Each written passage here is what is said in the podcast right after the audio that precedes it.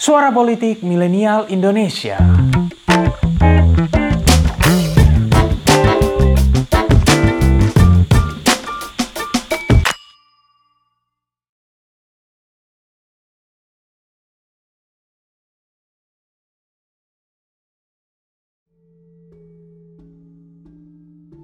Saat berbicara demokrasi dan Yogyakarta, banyak dari masyarakat Indonesia sepertinya masih belum memahami seutuhnya keistimewaan provinsi tersebut.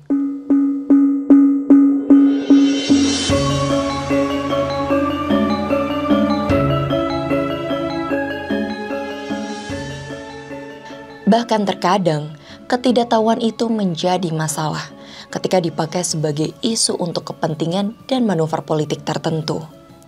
Baru-baru ini ramai soal kasus politisi Partai Solidaritas Indonesia, Ade Armando yang menyinggung soal keistimewaan Yogyakarta itu. Aspirasi mengenai keistimewaan Kesultanan Ngayogyakarta Hadiningrat itu telah menjadi poin penting setidaknya sejak perjanjian Giyanti di tahun 1755. Ini tonggak yang penting karena kemudian juga diperkuat ketika Indonesia merdeka di tahun 1945. Di sinilah pemahaman mengenai dinamika politik Yogyakarta tampak sangat penting. Lalu, seperti apa sebenarnya sejarah demokrasi, politik, dan keistimewaan Yogyakarta?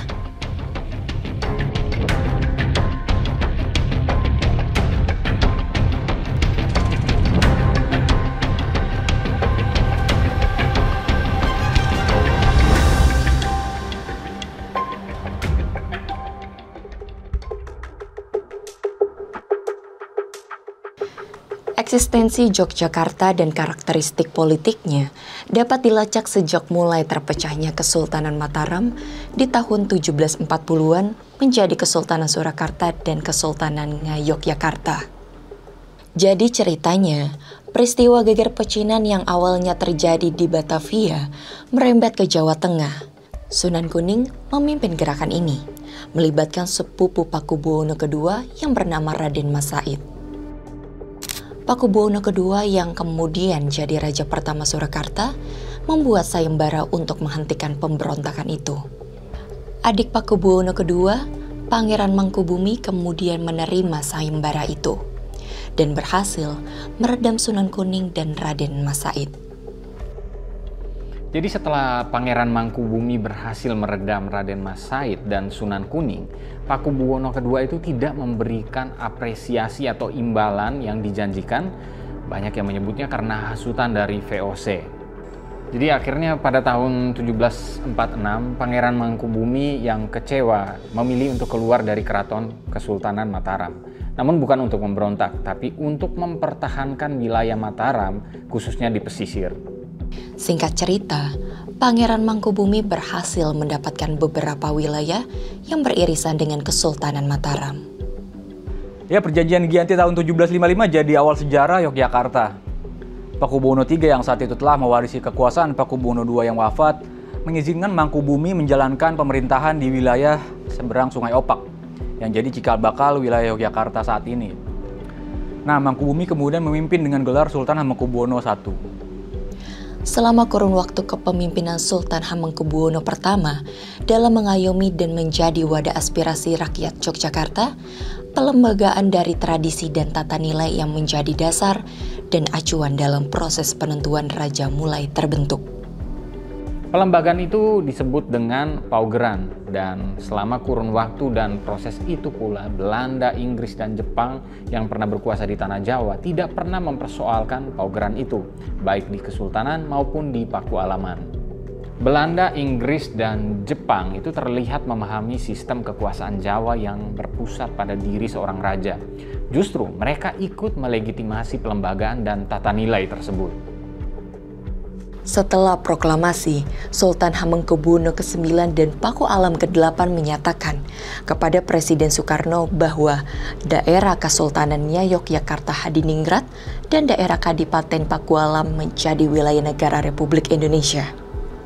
Wilayah ini menjadi satu kesatuan yang dinyatakan sebagai daerah istimewa Yogyakarta. Secara politik dan keistimewaannya, piagam kedudukan mengenai otoritas kepala daerah Yogyakarta diberikan oleh Presiden Soekarno kepada Sultan Hamengkubuwono IX dan uh, Pakualam VIII ya pada 19 Agustus 1945. Nah, keduanya menjadi kepala daerah yang bertanggung jawab langsung kepada Presiden. Nah, amanat Hamengkubuwono IX dan Pakualam VIII pada 5 September dan 30 Oktober 1945 kemudian menjadi dua aspek politis yuridis kekhususan politik Yogyakarta berikutnya sebelum diperkuat Undang-Undang Nomor 3 Tahun 1950 tentang pembentukan Daerah Istimewa Yogyakarta. Sri Sultan Hamengkubuwono ke-9 menjadi sosok penting saat kemerdekaan. Di tengah situasi genting kembalinya Belanda di tahun 1946, Hamengkubuwono ke-9 berkenan menawarkan Yogyakarta menjadi ibu kota sementara Indonesia saat situasi keamanan Jakarta memburuk. Tercatat, selama Yogyakarta menjadi ibu kota, Sultan Hamengkubuwono ke-9 membantu pendanaan operasional pemerintahan Indonesia. Sultan bahkan menyumbangkan dana 6,5 juta gulden dari kas keraton untuk mengisi kosongnya kas Indonesia. Itu nilainya mencapai 527 miliar saat ini. Saat reformasi 1998 itu memang terdapat sedikit dinamika berbeda di mana Sultan dan Paku Alam sebagai penerus tahta di Kesultanan dan Paku Alaman itu tidak otomatis menjadi gubernur dan wakil gubernur. Di tahun 1999 ada pemilihan gubernur dari partai politik. Kandidatnya saat itu adalah Sultan Hamengkubuwono ke-10 yang jadi ketua DPD 1 Golkar DIY dan Dr. Andus H. Alfian Darmawan yang merupakan ketua DPW P3. Sultan Hamengkubuwono menang saat itu.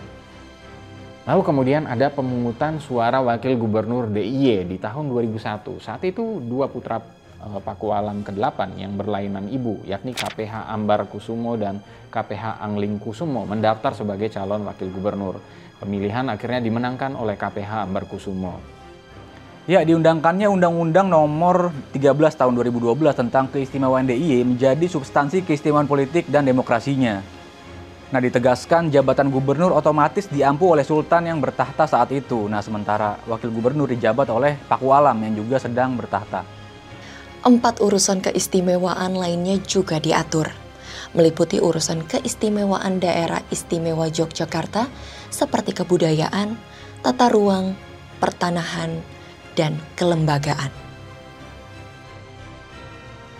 Ya, kritik memang hadir ya saat melihat politik dan keistimewaan Yogyakarta dari satu interpretasi politik saja, seperti soal kekuasaan yang nyaris absolut, maupun soal potensi intervensi politik dalam dinamika internal keraton terkait suksesi kepemimpinan misalnya.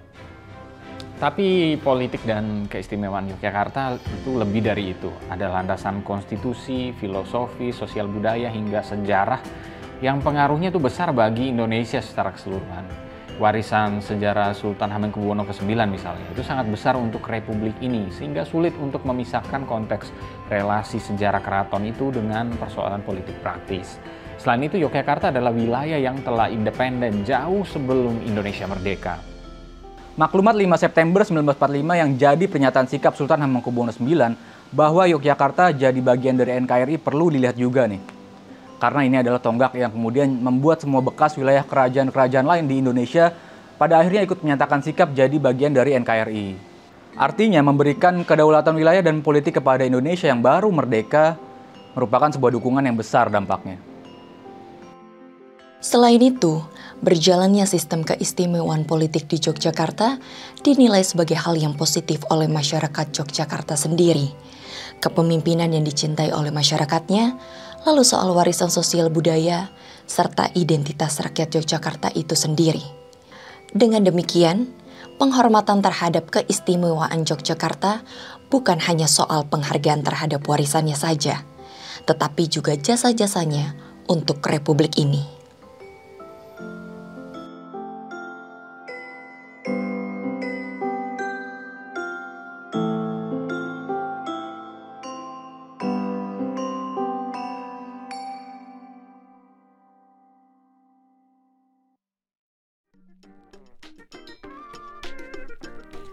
Terima kasih telah mendengarkan episode kali ini.